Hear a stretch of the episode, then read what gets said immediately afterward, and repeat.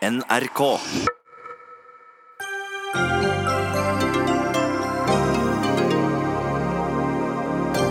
Sykehusdirektør ved Universitetet i Nord-Norge kan få med seg 31 millioner når han går av fra stillinga. Hvorfor skal et presset helsevesen betale for en som slutter frivillig, spør redaktør. Mange norske barn spiser skolematen foran fjernsynet. De burde heller snu pultene mot hverandre og prate sammen, protesterer helsesøster. Israel vil sende ut 38 000 afrikanske asylsøkere. Er det riktig fra et folk som vet hva det vil si å være forfulgt? Og flere i Høyre tar til orde for at enslige kvinner skal få assistert befruktning.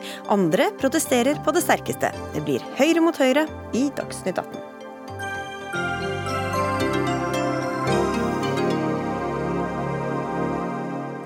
Som i dag er ved Sigrid Solund.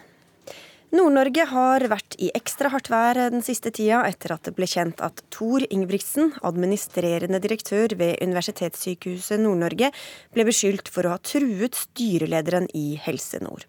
Han sa opp stillinga si og går over i en professorstilling ved Universitetet i Tromsø, og blir han i den de neste 16 årene til han er 70, får han til sammen 31 millioner kroner. Dette skrev du en kronikk om eh, i Nordnorsk debatt i går. Arno Holm, du er redakt ansvarlig redaktør i High North News, og du kaller det galskap. Hvorfor det? Jeg kaller det galskap. Og, og det er særlig tre forhold jeg reagerer spesielt på. For det første så er det måten denne avtalen utløses på. Her er det, som du var inne på innledningsvis, to versjoner. Det ene er en direktør som ikke lenger er motivert til hardt arbeid, eller det som denne stillinga krever og bestemmer seg for å gå frivillig. Den andre versjonen er at han får sparken fordi han har trua en styreleder. I min verden så burde ikke noen av disse, verken frivillighet eller det å ha gjort seg ute av stand til å utføre jobben, utløse etterlønn eller sluttavtale i det hele tatt.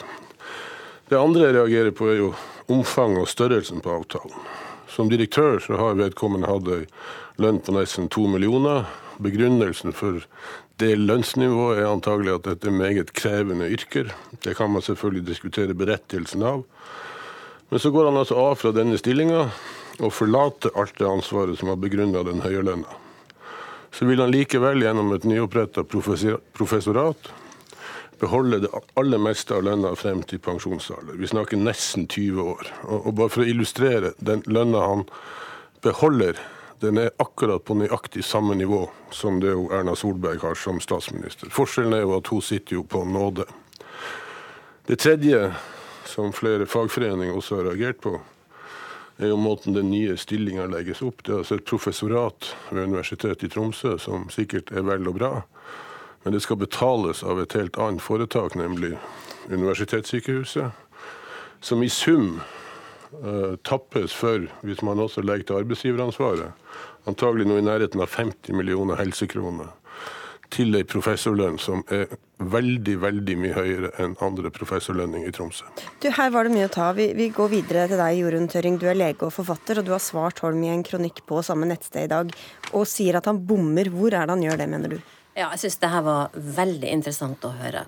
Eh, da jeg kom inn i den debatten her, så var det fordi at Holm skrev denne kronikken under uh, overskrifta 'Skal vi betale lønna til en direktør som sitter og mekker veteranbiler'? Jeg syns det var en ganske tabloid eh, overskrift. Jeg leste artikkelen, og det som for det meste gikk ut på et regnestykke som gikk ut på hvor mye Ingebrigtsen ville tjene på å sitte hjemme og mek mekke veteranbiler. Men jeg fikk inntrykk av at han skulle ikke gjøre noen ting. Vi kan bare, bare ja. presisere det, fordi at han ja. selv har sagt at han slutter fordi at han vil bruke tida annerledes. Nei, men Det stemmer ikke. Nei, kan jeg bare få snakke ferdig? Så skal, så, så, så, han, han, slutter ikke. Uh, det er sånn at uh, dette regnestykket til Holm det ga inntrykk av at han både skulle motta penger fra Helse Midt, og at han skulle sitte og heve lønn. Nå er det sånn at uh, da han ble direkt, Nei. Da han ble direktør i 2007, så inngikk han en avtale med, eh, som, som, gikk ut på at hvis han slutta som direktør, så skulle han kunne gå tilbake til en sin helsestilling på universitetet. Dette er ikke spesielt for Ingebrigtsen. Det er noe som UNN har for samtlige av sine ansatte fordi at man vil stimulere rekruttering til lederstillinger, og fordi at man vil eh, at folk skal føle trygghet i jobben. Da han nå går tilbake for å ta og gjøre dette kort, så får han opp 85% av sin direktørlønn. Den utgjør i kroner og øre ca. 1,6 millioner. Ja, Det er det, samme, samme regnestykke, egentlig. Ja. For dette skal han da gå inn i en 100 eh, professoratstilling som nevrokirurg ved universitetet. Og det er da den avtalen som har vært på bordet hele, siden, hele tiden. Og legge frem, altså Man kan jo godt legge frem et regnskap på hva en professor koster i 15 år.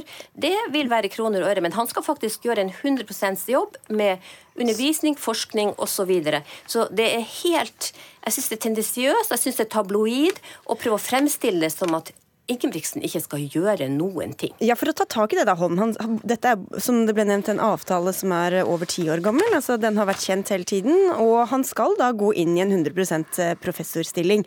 Eh, så hvor, altså, tendensiøs sies det om, om eh, framstillinga di. Hvor, hvor, treffende vil du si den er, da? Nei, altså, min fremstilling er jo helt presis. Uh, akkurat det det handler om. Uh, som jeg skriver i min kommentar, ja, han skal over i et professorat som er oppnevnt ved universitetet, ikke gjennom noe komitébehandling, faglig komitébehandling. Men det var en del av avtalen hele tiden? Ja, men så er det sånn at denne avtalen vi snakker om nå, den er ikke så gammel som det gis inntrykk av. Denne avtalen, som gjør den evigvarende, den er faktisk inngått i 2016. Frem til da så har det, så vidt jeg klarer å lese ut av papirene, vært en avtale med fem års varighet. Men så, i 2016, så gjør man det om til en avtale som skal vare til pensjonsalder. Og Da er vi tilbake til spørsmålet. Jo, sluttavtaler er helt greit, det. Eh, sluttvederlag er helt greit. Men her er det altså frivillighet som, som, gjør at han går. I avtalen står det at hvis han selv velger å frate stillinga som administrerende direktør, for å gå over i en annen fast stilling i eller utenfor universitetet eller universitetssykehuset, så bortfaller den opsjonen. Den har ikke bortfalt. Hvis det er sånn at han har trua styrelederen, så kan man også stille spørsmål om hvorvidt det skal utløse den type kostnader for et helseforetak. Ok, Så uansett eh, hva, fordi her er det ulike virkelighetsbeskrivelser om hva som egentlig er skjedd, Tørring. Men, men hvorfor altså Enten om han har, eh, har, oppført seg på en måte som ikke er OK, og derfor går av, eller om han gjør det frivillig.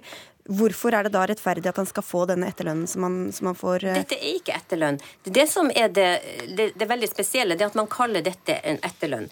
Dette er ingen gullkanta avtale. Den forutsetter full og ordentlig jobb. Men det er veldig godt betalt professorat, da? Altså, får, la meg si det, altså, bare for å ta et eksempel. Man hadde en helt lignende sak i fjor. En direktør i Helse Nord måtte gå, altså fikk sparken etter ett år i jobben. Ble sendt til fast rådgiverstilling på Nordlandssykehuset i Bodø. Hva med den avtalen, Arne Holm? En rådgiver i Helse Midt, og de har vi, en, en, en direktør i Helse Midt har vi ni av. De sitter samtlige med lønn på 1,5 og pluss ganske gode pensjonsavtaler.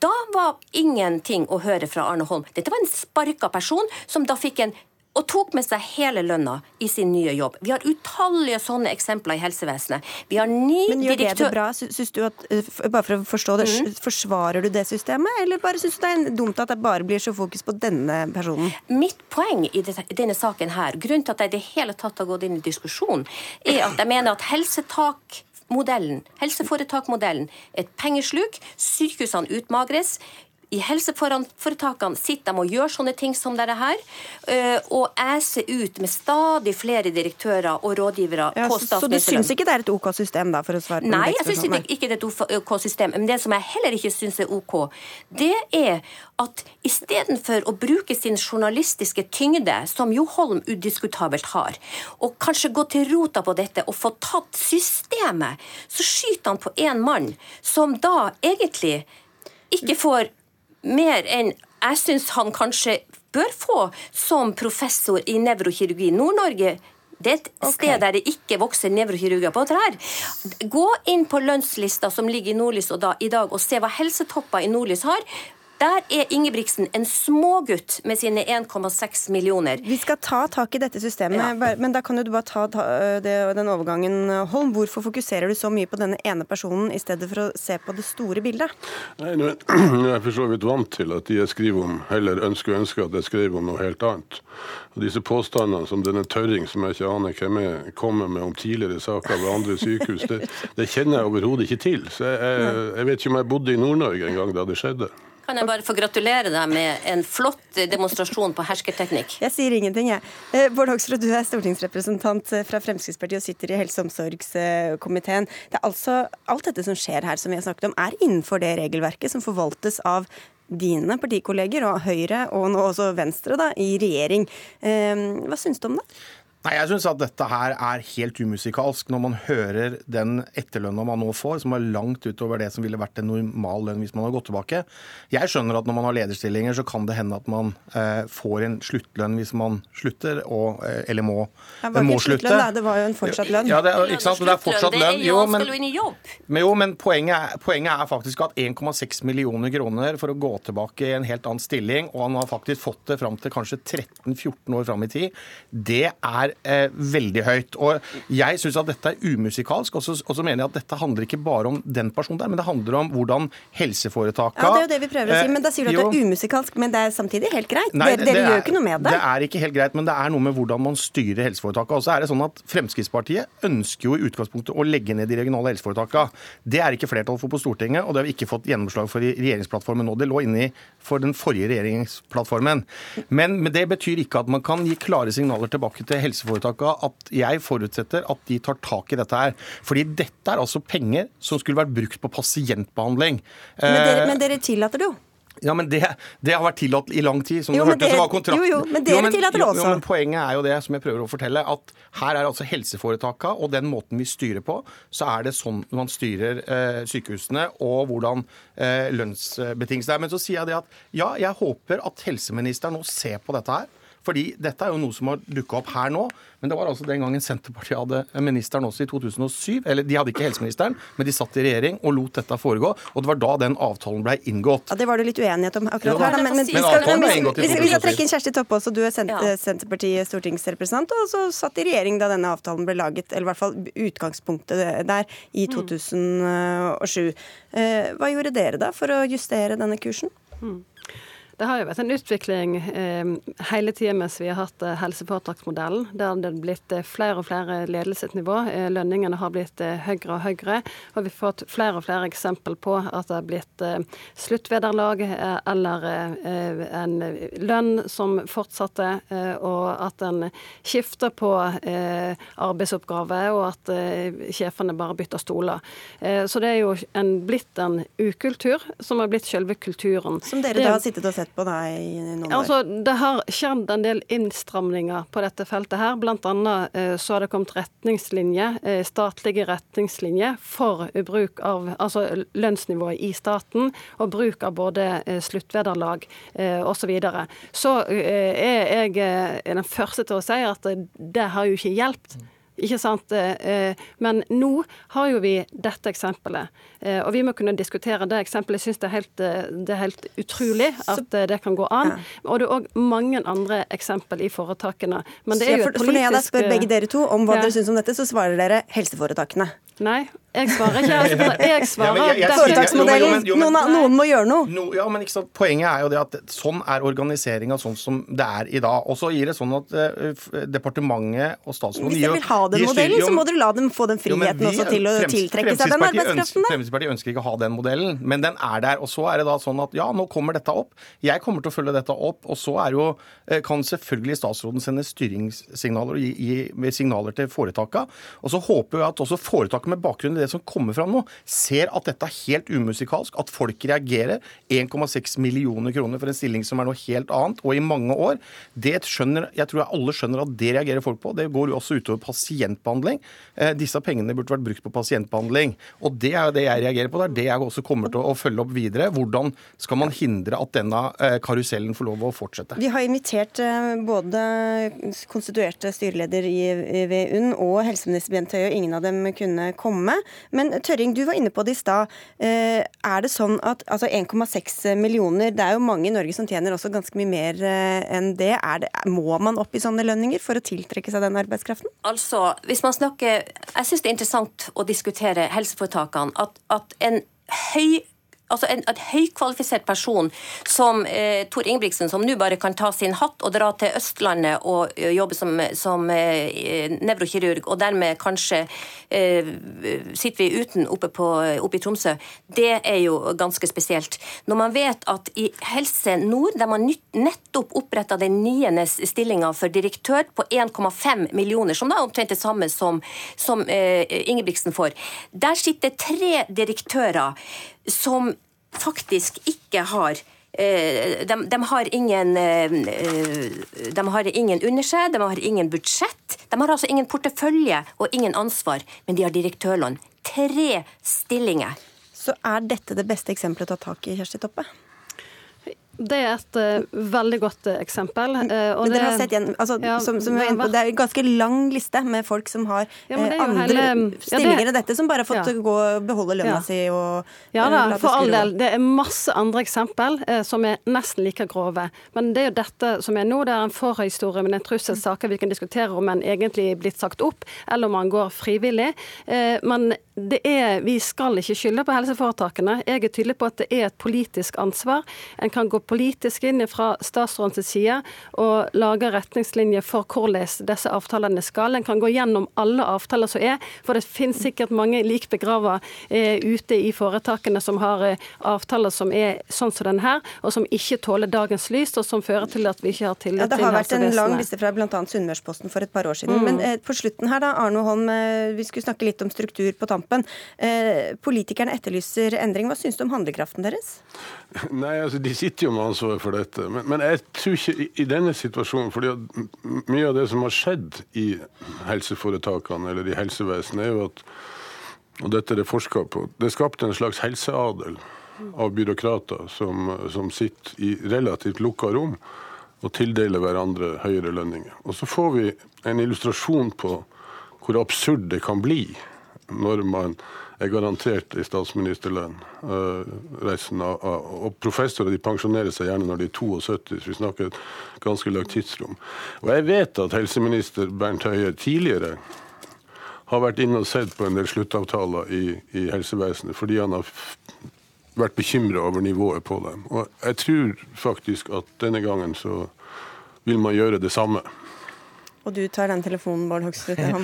jeg jeg syns dette er viktig, fordi det handler om at dette er penger som burde vært brukt på pasientbehandling. Og det er viktig for pasientene, er jo det man skal eh, jobbe for å gi gode tjenester. Og så spørs det om man må ha de lønningene for å få den gode pasientbehandlingen. Men det er jo en helt annen eh, skål. Ja, men da må vi også være litt, hvis jeg får lov, litt presis, for jeg flyr masse tall gjennom mm. lufta her. Men, men det er faktisk sånn at den lønna vi snakker om i dag i denne stillinga, den er på nesten 1,9 millioner. Ja, Så han går ned og får 85% av det, som blir 1,6. Men det sier noe om lønnsnivået ja. innenfor denne bransjen. Absolutt. Dere, vi takker av der, og så slutter nok ikke denne saken med dette. Men takk til dere i denne omgang, i hvert fall. Arno Holm fra High North News.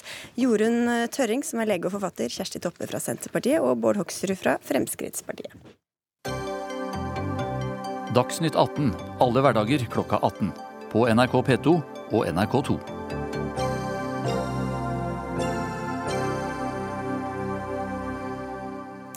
Er kanskje ikke problemer innad i Høyre, men det er verdidebatt, og du er uenighet internt i partiet. Og en av sakene som vekker dette, er spørsmålet om hvorvidt enslige kvinner skal få hjelp til assistert befruktning, på samme måte som helsevesenet tilbyr hjelp til par som er ufrivillig barnløse. Tina Bru, du er stortingsrepresentant og leder for Høyres kvinneforum, og ønsker å utvide dette tilbudet altså til å også gjelde enslige damer som ikke får det i dag. Hvorfor det? Nå har vi jo en stor prosess i Høyre som leder opp til landsmøtet, hvor vi diskuterer mange aspekter ved bioteknologi og de mulighetene som det gir. Og I den anledningen så har Høyres kvinneforum laget en større resolusjon eh, med krav som vi kommer til å fremme til landsmøtet, hvor da denne saken er en av de sakene som det er et stort flertall for blant Kvinneforums eh, fylkesledere og styre for at vi skal kjempe for. Og Det er jo fordi at i dag er etterspørsel etter dette blant eh, norske kvinner. Det handler om å hjelpe norske kvinner å få barn dersom de har et sterkt ønske om det. For mange er det vondt å ikke oppleve det. Det har òg et eh, helsemessig aspekt, hvor eh, noen kvinner opplever å kanskje komme i en situasjon hvor de ikke klarer å få barn, eller det begynner å minske på muligheten til å få barn fordi de kommer opp i alder, og kanskje har de ikke møtt mannen i sitt liv enda, for å si det sånn. Eh, og så kan det være da et nå eller aldri-tilfelle. Og Da mener vi at det er på tide å gi dette tilbudet i Norge, i all den tid veldig mange norske kvinner i dag reiser til utlandet for å få denne hjelpen. Men det er ikke full enighet, som vi var inne på. Stefan Heggelund, du er også stortingsrepresentant eh, fra Høyre. Du er imot dette. Hva er dine argumenter da? Ja, og Siden jeg har det standpunktet her, så tror jeg det er veldig greit å begynne med at jeg selvfølgelig ikke mener at aleneforeldre er dårligere foreldre enn andre foreldre, og at alle barn, uavhengig av hvordan de blir til, er like mye verdt og skal få den samme gode omsorgen. Men det vi diskuterer her nå, er når vi som samfunn bidrar til og legger til rette for en graviditet gjennom assistert befruktning, så har vi også mulighet til å være med på å bestemme hvilke muligheter og rettigheter det barnet skal ha helt fra begynnelsen av. Så når jeg er mot dette forslaget, så er det fordi at jeg er enig med Kristin Halvorsen og flertallet i Bioteknologirådet, som sier at sårbarhetskriteriet er viktig. Og det er ikke til å stikke under en stol at det er større sannsynlighet for å bli foreldreløs hvis du har én forelder, enn hvis du har to foreldre. Og da mener jeg vi som politikere må vise den varsomheten i disse spørsmålene når utviklingen går så rivende raskt som det gjør i dag. Du er bekymra for barna i tilfelle det skjer noe med mor? Ja. Det er din bekymring. Mm. Men hvorfor eh, da, når det er lov for enslige å adoptere, som du syns er OK, jeg mener det, det, også har problemstillinger ved seg. fordi at mye, mye, av den samme uh, argumentasjonen som gjelder assistert befruktning for enslige, gjelder også for enslig adopsjon. Uh, men så mener jeg også at det ikke er helt sammenlignbart. Hvorfor det? Fordi at i den ene situasjonen så snakker du om et menneske som ikke ennå eksisterer. Så er spørsmålet da om man skal legge til rette for den graviditeten. Og i det andre spørsmålet, adopsjon, så snakker man om et barn som allerede finnes, som står uten foreldre, som ja. kanskje bor i et fattig land, og som kan få vesentlig bedre livsvilkår gjennom en adopsjon. Men hvis vi ser på det praktiske i det, så er det jo også sånn at et adoptivbarn, i noen tilfeller i hvert fall, kan ha mye større utfordringer helse, helsemessig enn det et barn som er født inn i et rikt eh, samfunn som Norge blir. Så hvis det er barnet du er bekymra for, hvordan henger det da egentlig på greip at du syns det er OK at et eh, adoptivbarn kan få enslige foreldre, men ikke et som får, eh, skal, skal, få assistert befruktning? Nei, men som jeg sa, så mener jeg at det er noen problemstillinger også ved enslig adopsjon. Jo, men du sier jo ja til det ene og nei til ja, det andre. Fordi at jeg mener de to situasjonene ikke kan sammenlignes. I det ene tilfellet så snakker vi altså om et barn som ikke finnes ennå. Og i det andre tilfellet så snakker vi om et barn som finnes, som risikerer å vokse opp i stor fattigdom fattigdom uten noen foreldre i det hele tatt, og som vil få be vesentlig bedre livsvilkår hvis det blir adoptert til da f.eks. Norge. Men, men, det er to ting som det er viktig å ha som utgangspunkt når man diskuterer dette, mener jeg. Og jeg er langt på vei enig og ser argumentene til Stefan. fordi når det gjelder barnets beste, så tror jeg det er, et, det er et prinsipp som vi alle legger til grunn, og som vi er opptatt av. Men det er ingen studier så langt da, som egentlig underbygger at et barn som bare har én forelder, eh, får et dårligere liv eller er mer sårbart eller har større utfordringer enn et barn som har to foreldre. Det er det vi vet så langt. Og i all den tid vi vet at så mange ønsker seg barn, og det er ikke lett å adoptere heller, det er en ganske omfattende prosess. Det vi må ta utgangspunkt i er, er det riktig å forby det? For det er det vi gjør i dag. Vi sier det er ikke lov. og Vi tvinger da kvinner til å reise til f.eks. Danmark og gjøre det. Bare på én klinikk i Danmark så ble det jo født over 100 barn til norske kvinner eh, som søkte hjelp der. Så i dag er det da egentlig forbudt for de som ikke har råd til å reise andre steder enn i Norge og få den hjelpen. Og da mener jeg vi som samfunn må se ok, er det tunge nok argumenter til å forby det, og det mener jeg det ikke er. Men du går jo lenger enn det, for du sier som, bruker som argument at ensomme kvinner som er villige til å gjennomgå en så omfattende prosess som det er å få assistert befruktning, mm. har allerede gitt en klar indikasjon på at de vil bli gode og dedikerte foreldre. Hvordan vet du det egentlig? Vi vet jo det fordi at det er akkurat som hvis du skal adoptere et barn, eh, om du gjør det som enslig eller om du søker assistert befruktning som par, så må du gjennom en prosess hvor du skal se på om du er egnet til å være forelder, eh, hva slags bakgrunn du har, ressurs ressursbruk, alle disse tingene her, blir vurdert før du får den hjelpen. Det vil man jo også gjøre i dette tilfellet her. Og jeg tror hvis du er villig til å gjennomgå den prosessen det faktisk er, da, og eh, få assistert befruktning, som innebærer å hente ut egg og alt det som følger med, så da vil jo dette veldig veldig sterkt. Og da er vi jo tilbake igjen men, men, til Men betyr det da jo mer strabasiøst det har vært og vanskeligere det har vært å få barn, desto bedre foreldre blir det? Nei, det er ikke det jeg prøver å si. Men i all den tid vi er så opptatt av barnets beste, da, og hva slags liv dette barnet får etter det er født, og om det er best for barnet å ha to foreldre alltid, eller om det kan ha et like godt liv med én forelder, så mener jeg at en person som ønsker å begi seg ut på dette alene, har virkelig vist at dette er noe de kommer til å bruke all mulig tid og ressurser på å være en god forelder for det barnet. Ja, Men du vet ikke om de har noe bedre utgangspunkt for å være det? Jeg sier ikke at de har det bedre, men jeg sier ikke at de har nødvendigvis et verre utgangspunkt. Det er en forskjell. Hvis jeg bare kan si noe til akkurat det, så det er, Dette er jeg egentlig helt enig i. Og i ni av ti tilfeller, og sikkert flere tilfeller også, så kommer dette til å gå helt fint. Spørsmålet er når For det er en, faktisk en forutsetning for hele denne debatten at staten skal ta et valg. Det er forutsetningen for hele debatten at staten nå skal inn og ta et valg.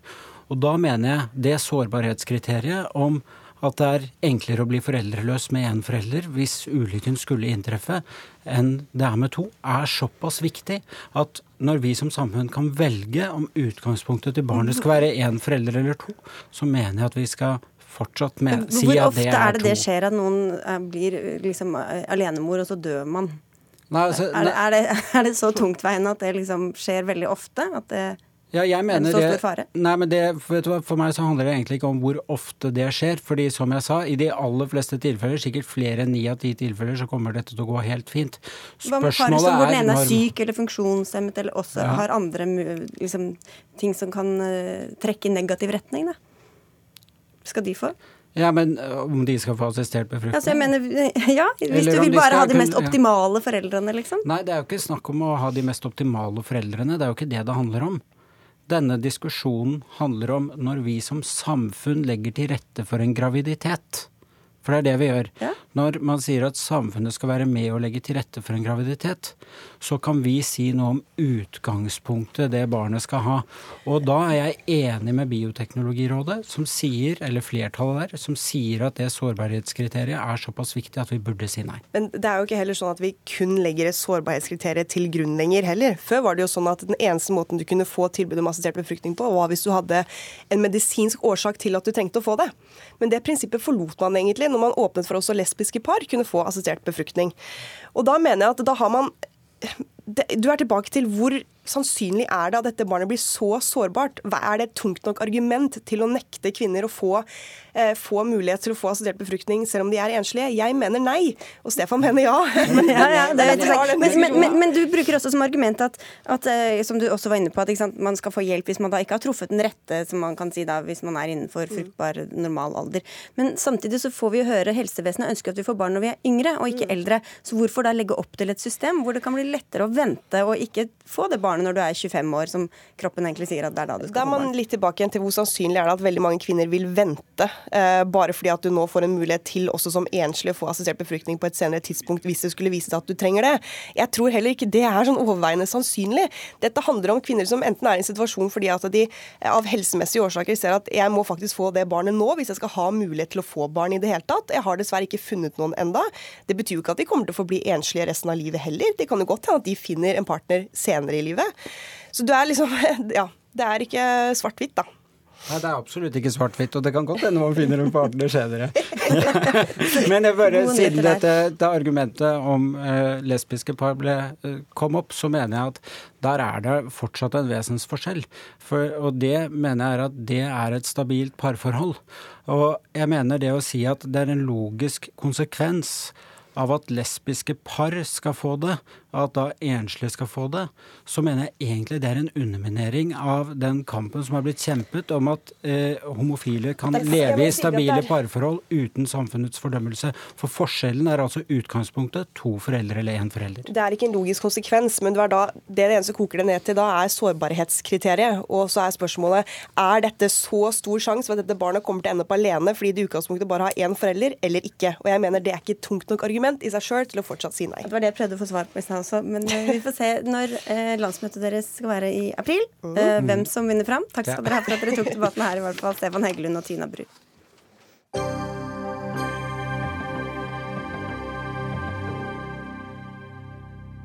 Flere og flere ungdomsskoler velger å dempe bruken av karakterer. I stedet velger skolene andre måter å gi tilbakemelding til elevene på.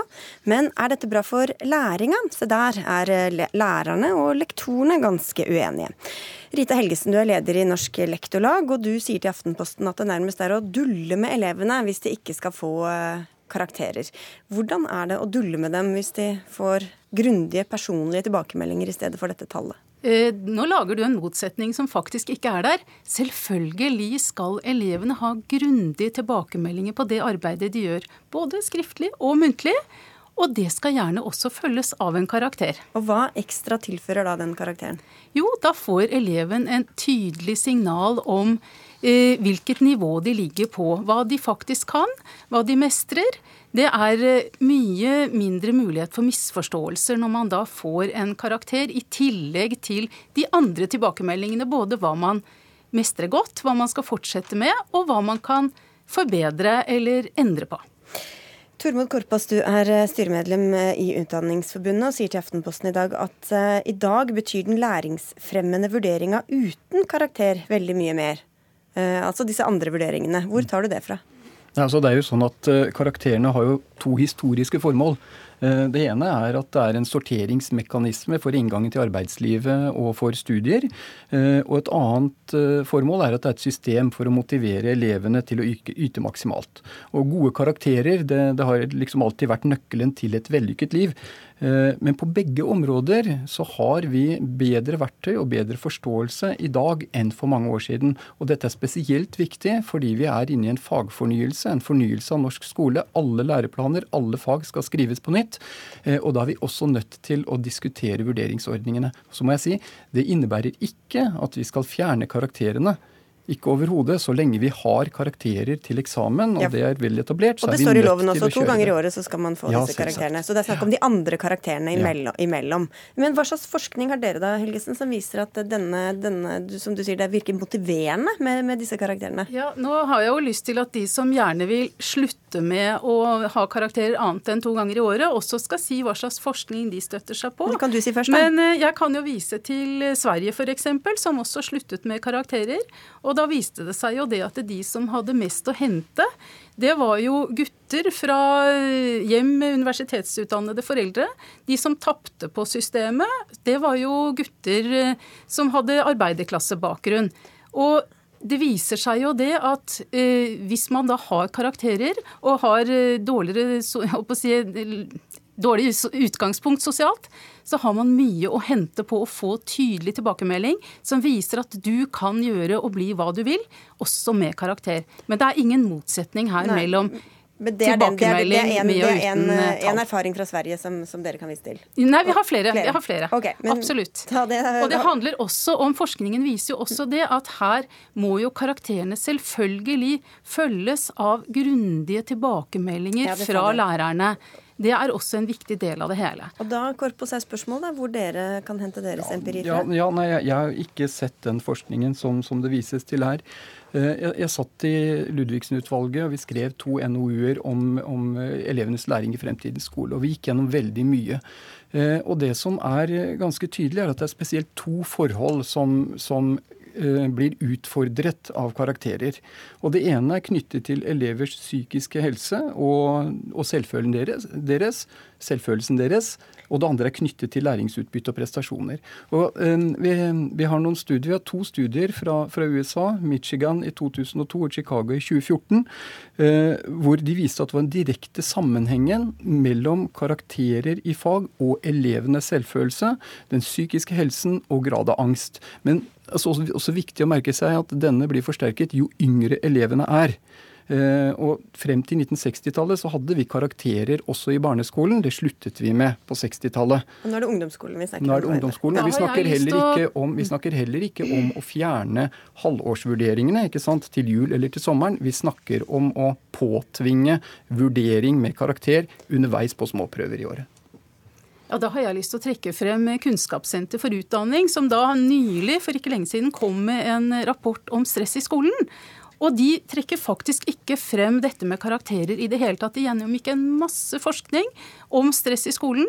Det de sier noe om, er jo nettopp det som annen forskning også viser. At vi i skolen må legge til rette for minst mulig eh, arbeidspress. Vi må ha gode, trygge læringsmiljøer. Og vi må hjelpe elevene med å prioritere hva de skal jobbe med. Men det er lett å, for Da har dere litt ulik forskning å vise til, men det er jo i hvert fall lett å se for seg at en som begynner med å få dårlige karakterer, og, som, og så går man jo helt sikkert og sammenligner og blir spurt og spør de andre hva fikk du på den prøven osv. Og, og når det er liksom den femte toeren den, eh, det semesteret, hvor lett er det å liksom komme seg ut av det løpet da, tror du? Ja, Det kommer jo litt an på om eh, hvordan eh, den toeren blir gitt. Hva slags tilbakemeldinger elevene får. Får de, Er det alltid sånn ja. at karakterer følger med grundig evaluering som elevene skjønner? Selvfølgelig. du, du kan ikke bare gi en elev et tall. Nei, men gjør, det er jo skjer meningsløst. Det eller? Ja, det er mulig det skjer, men det er ikke det som skal skje. Og det skjer veldig sjelden. Det hadde ikke gått i, uh, i dagens Norge. Det skjedde da vi gikk på skolen, Tormod og jeg. Sånn er det ikke lenger.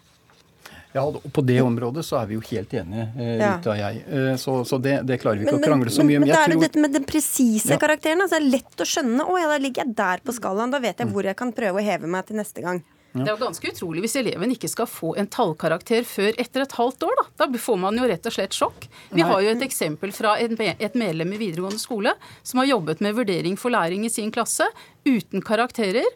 Og så kommer man da til terminslutt, og eleven får karakter, og klager fordi at vedkommende da ikke har forstått nivået.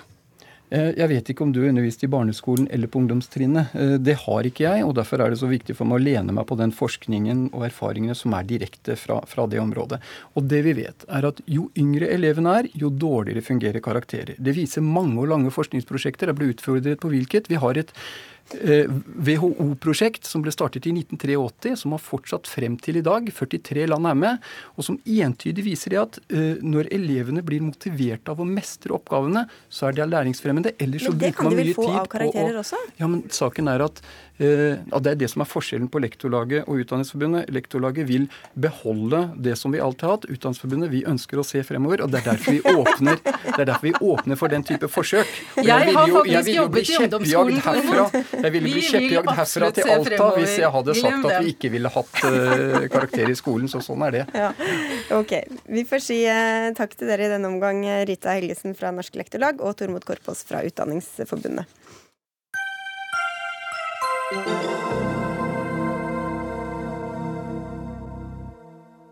Forsonende klapp på skulderen på vei ut der.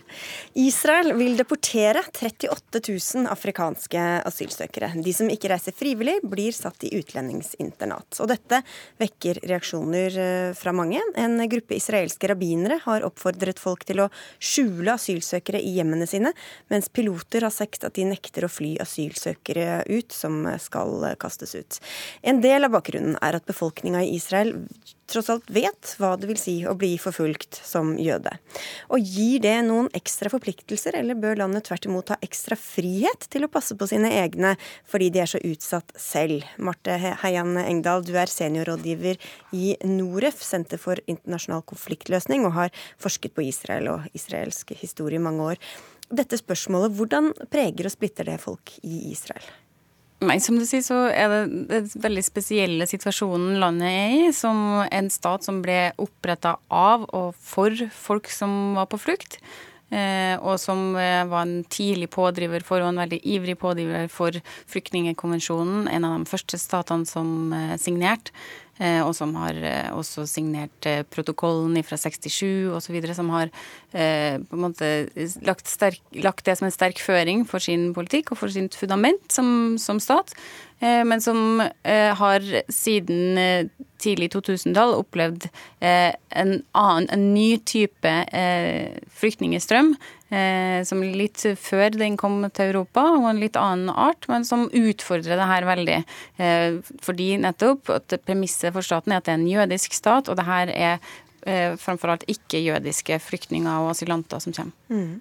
Og disse menneskene, Katrine Moe Torleifsson, du er forsker ved Senter for ekstremismeforskning ved Universitetet i Oslo. De kommer særlig fra Sudan og Eritrea. Hvorfor er de kommet til Israel i utgangspunktet? Ja, Det var fordi det var den letteste veien å flykte. De flyktet jo gjennom Sinai-ørkenen og krysset Israels sørlige grense på midten av 2000-tallet. Og de fra Sudan flyktet jo fra etnisk vold, og fra Eritrea også fra eh, konflikt eh, der. Mm. Og da er det altså veldig få av disse som har fått eh, opphold. Hvorfor det? Ja, Det er jo også fordi de regjerende, altså styresmaktene nå mener at dette truer Israels sikkerhet, og også statens jødiske karakter. Så det er to argumenter som blir brukt. Både sikkerhetsargumentet og at det truer den jødiske karakteren. Men det er relativt få nå. Vi snakker om under 40 000 og 4000 barn som har sittet på vent veldig lenge. Og de også nå sitter i, i interneringsleire og fengsler i Sørørkenen. Men at det truer det jødiske, Heian Engdahl, hva ligger i det egentlig? Det ligger at eh, Israel skal være en stat for verdens jøder. Man har man etablert tidlig at eh, alle verdens jøder som vil, har fritt innpass. Alle kan komme til Israel på hvilket som helst tidspunkt og bli statsborgere uten noe mer eh, Selv om det selvfølgelig er også en stor kontrovers knytta til hvem er egentlig en jøde, og hva er det som gjør en jøde til en jøde, og hvem kan definere seg som det. Og det her er jo det vi ser det stadig vekk i konflikten med palestinerne, at det er et viktig argument og en, viktig, og en stor frykt at man mister det her. Og historisk sett så har det vært en spenning der mellom det jødiske og det demokratiske og liberale, som Israel også ønsker å være, eh, som hele tida har lugga, og som er uoppgjort, og som vises i mange andre deler av samfunnet, men som kommer veldig synlig fram her da, i denne saken her. Men har ikke Israel internasjonale forpliktelser på lik linje med alle andre vanlige land, for å si det sånn? Jo, selvfølgelig. Så, da, hvordan, hvordan uh, tolker de eller behandler de da disse forpliktelsene overens med den, i, i, denne, i denne saken? Her er det jo snakk om at man har frivillig det forslaget går ut på, da, eller det det angivelig skal være. Det er ganske mye uklarhet knytta til hva den faktiske avtalen er, men at det skal være en avtale med Rwanda og Uganda Eh, om at det kan være såkalt frivillig retur av de her eh, flyktningene. Så altså ikke hjemlandene eh, mm. til de flyktningene. Det bryter med internasjonal rett. At man kan ikke sende folk tilbake til et land som der de kan bli videre forfulgt. Og så Da har Israel oppretta en avtale. Det er knytta litt usikkerhet til Rwanda. Har selv sagt at det finnes ingen sånn avtale, men der man betaler en viss pengesum til rwandiske myndigheter og en engangssum til den aktuelle flyktningen, eh, og så får den et fly. Og hvis ikke, så skal man eh, settes i, i fengsel. Og jeg tror jo at en del av utfordringa her er jo for vestlige land at det vil være ganske få som kommer til å utfordre Israel på at de ikke følger opp sine forpliktelser her. For det er jo ikke det eneste landet som sliter, og det er mange som vil møte seg sjøl veldig fort i døra. Dette med å ta vare på det jødiske, Tor Leifson, hvordan har utviklinga der da vært de siste årene? Ja, Det har jo vært en generell høyredreining i eh, israelsk politikk. Og du ser at eh, argumenter om religion og etnisitet har fått mye større plass i politikken, spesielt under Benjamin Netanyahus ledelse. Og nå er det også en justisminister, eh, Ayelet Shaked, som også hevder å beskytte den jødiske ekstra. Så det er klart at det har vært en høyredreining i Israel, som vi også ser ellers i Europa, som påvirker også politikken på dette området. Men samtidig så er det også ganske mange jøder som bor utenfor eh, Israel, bl.a. i USA. Hvordan ser de på dette? Ja, det, er det er selvfølgelig delte meninger blant både amerikanske og europeiske jøder, men det er mange som også har engasjert seg og protesterer mot disse deportasjonene. Alt fra rabbinere til prester som siterer eh, bibelvers, og, og også sagt seg villig til å, å gjemme asylsøkere i sine egne hjem. Så det er klart at det har et stort engasjement, og også blant bekymrede israelere. Så dette er et eh, tema som vekker sterke følelser. Mm. Hvordan kan det påvirke forholdet mellom USA og Israel, tror du da, Jan Engal? Jeg tror Det er et veldig godt spørsmål, et veldig viktig sidepoeng ved denne debatten her. Fordi det er jo nettopp en av de spørsmålene hvordan, behandler, hvordan behandler vi våre andre, hvordan behandler vi medmennesker. Det er viktig i jødisk tradisjon, akkurat som det er i en kristen eh, arv og i islam osv. Så, videre, så som viktig for folk. Og jeg tror Hvis vi ser på det amerikansk-jødiske Amerika, så er det tradisjonelt et uh, liberalt og, uh, og politisk sett demokratisk stemmende uh, befolkningsmasse, hvis man kan generalisere. og sånne type politiske utviklingstrekk som det her er, og som det føyer seg inn i rekka av, som Torleifsson sier, denne høyredreininga, er med på å skape en større avstand, tror jeg, mellom eh, den jødiske staten og den, det jødiske Amerika, som har vært et så viktig bindeledd og et så viktig argument for at eh, Israel og USA skal ha det nære forholdet det har. Det har ingen amerikansk nasjonal sikkerhetsinteresse å ha det nære forholdet til Israel. Til det skaper det altfor mye gnisninger ellers i regionen. Eh, men det har vært eh, sånn likevel, bl.a. fordi det jødiske Amerika har hatt en sterk føring på det. Og Hvis sånne bånd forvitrer, og det blir vanskeligere for dem å stå opp for den staten som sine foreldre og besteforeldre har stått opp for, så er det et varselstegn for staten Israel også i framtida. Det var så langt vi kom denne runden. Takk skal dere ha begge to, Marte Heian Engdahl og Katrine Moe Torleifsson. Hør Dagsnytt 18 når du vil. Radio NRK.no.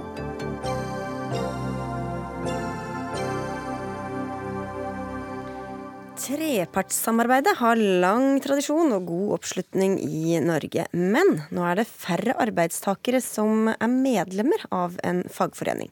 Fra 1992 til i dag har andelen arbeidstakere i Norge som er medlem av en fagorganisasjon, sunket fra 57% til under 50 Andreas Halse, du er daglig leder i Svensson-stiftelsen, altså en stiftelse som bl.a. jobber for å fremme verdien av nettopp fagorganisering og respekt for faglige rettigheter. Hvordan forklarer du denne nedgangen?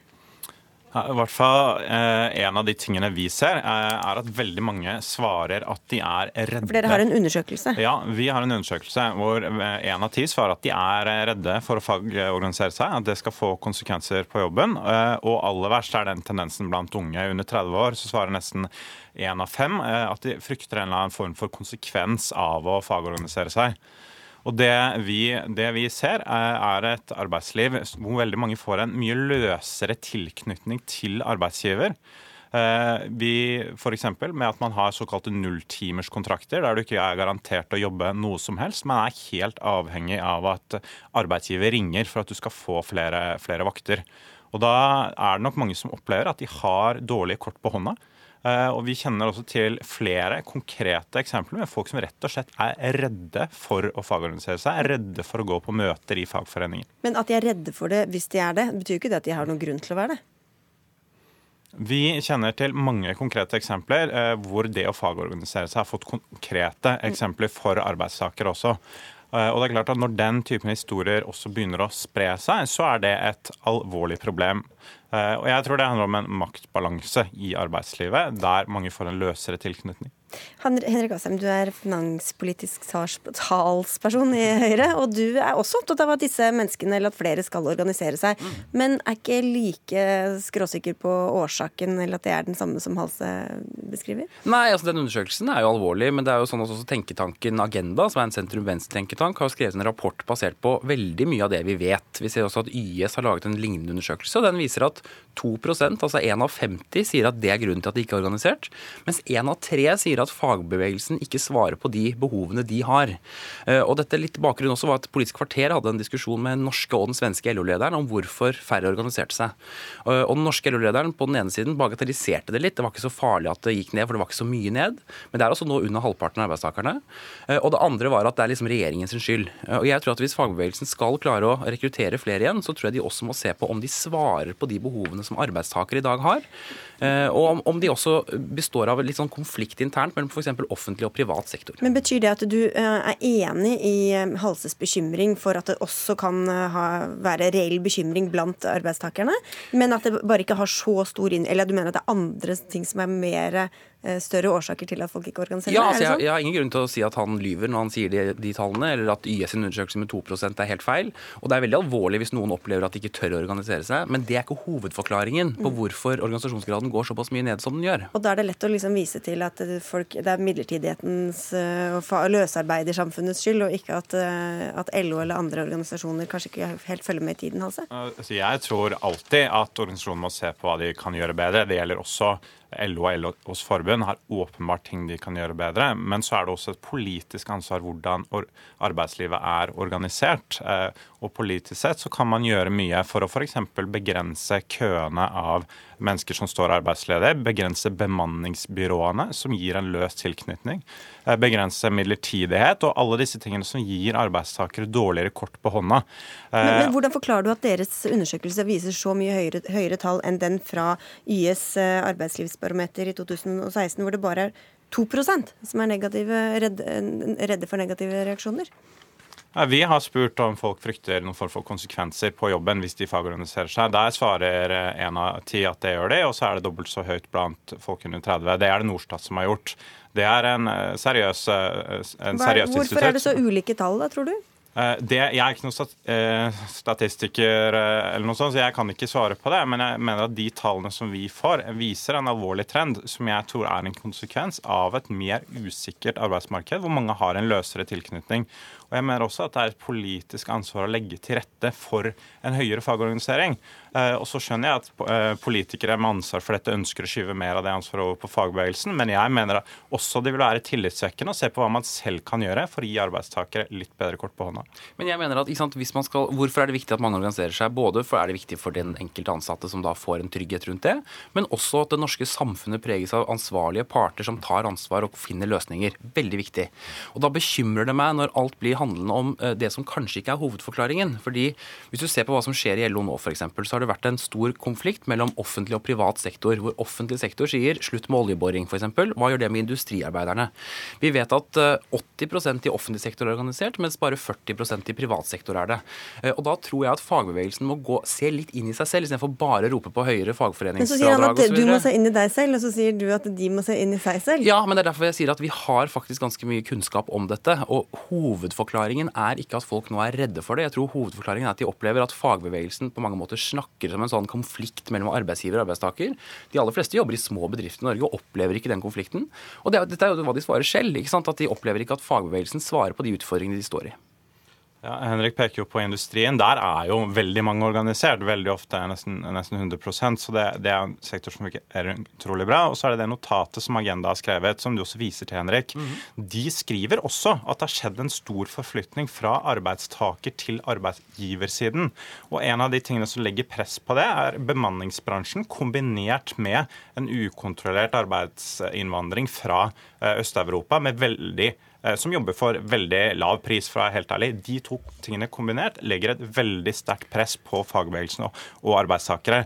Og jeg er ikke av de som tror løsningen på det er å stengte grenser eller noe sånt, men jeg tror at det er en veldig god idé at folk som jobber i Norge, skal jobbe på anstendige vilkår og anstendige lønninger. Men du benytter anledninga til å peke mot dette, som jo mm. da tross alt er et, også i deres undersøkelse, mindre problem enn Eh, enn LO eller andre eh, og, og forbundenes eget, eh, egen tiltrekningskraft, for å si det sånn. Ja, men jeg er uenig i den forklaringen. Jeg tror at hvis man ikke er Hva sier undersøkelsen deres om det, da?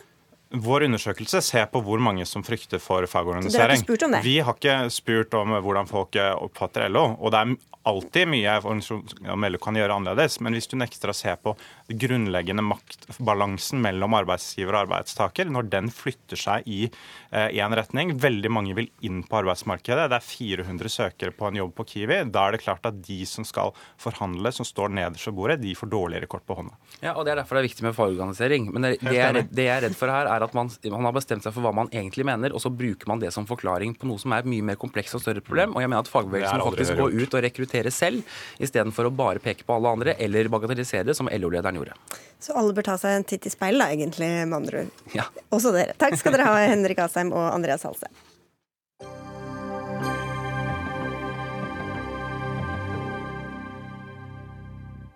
Når skoleklokka ringer og elevene skal ha matpause, setter de seg da rundt pulten og prater og spiser slik de fleste voksne gjør i lunsjen? Nei, i mange tilfeller gjør de ikke det. De setter seg på rekke foran TV-skjermen og følger et program der mens de spiser. Men det bør de ikke gjøre, skriver du i et innlegg i Dagsavisen Kristin Sofie Valdun Grevbo. Du er leder for landsgruppa av helsesøstre. Det er alltid en skjerm, og det er nok av det, sier du. Hvordan kan det virke negativt på barna at de ser på TV mens de spiser? Jeg tenker at de skjermene som eh, omgir oss hele tiden, eh, kan stå i veien for en god samtale. Og måltidet har jo tradisjonelt sett vært en eh, arena for, for gode samtaler. Så, så jeg syns at vi skal utnytte den, den, muligheten og bruke måltidet på skolen også som en, et sted der barna prater sammen. Så det er det de går glipp av. Men hvilke negative konsekvenser kan det ha, da? Det som eh, foreldre forteller om, er jo at eh, mange barn kommer hjem igjen med fulle matbokser. De glemmer rett og slett å spise. Eh, andre glemmer kanskje å kjenne etter at de blir mette. Altså den opplevelsen av å smake og kjenne og oppleve måltidet, den blir borte. Konsentrasjonen ligger et annet sted. Konsentrasjonen av å bli, avled, bli avledet, rett og slett. Ja. Lene Rønning Arnesen, du er rektor ved Smestad skole i uh, Oslo. Og dere er en av må si det, mange skoler virker det som rundt omkring i landet som viser programmer som Supernytt eller Newton i noen av matpausene. Hvorfor det? Eh, jeg tror vi må ha tillit til at lærerne gjør en vurdering også hva elevene skal gjøre i, eh, i matpausen sin.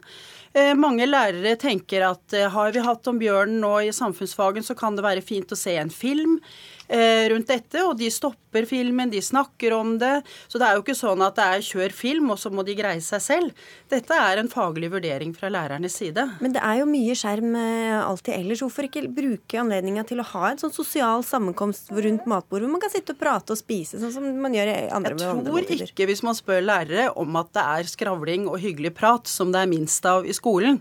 Det foregår mange gode samtaler, både i læringssituasjoner. Vi bruker læringspartnere aktivt, vi har samlingsstunder.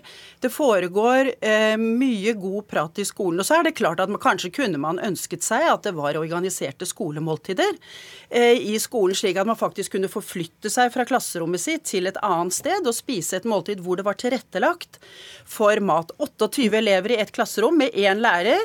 Og fire-fem av de barna skal ha en Altså, de trenger rammer og struktur for å få, få, kommet seg gjennom det man skal holde på med, er veldig krevende for en lærer. Det er litt praktiske årsaker også da, Grevbo? Ja, jeg har, jeg har, forståelse for det. og Jeg ønsker meg ikke en sånn rigid regelverk som sier nøyaktig hva læreren skal gjøre i alle sammenhenger, men jeg ønsker en refleksjon rundt det når jeg hører at det flere og flere steder blir brukt for at barn skal sitte stille, og, og barn også kommer og forteller at de får beskjed om at de ikke skal prate sammen mens de spiser. Så tenker jeg det er et litt uheldig signal, da. Ja. Ja, jeg tenker jo at det er viktig å ha tro på at læreren klarer å organisere dette og sørge for at elevene får snakket sammen i løpet av dagen, og det gjør de.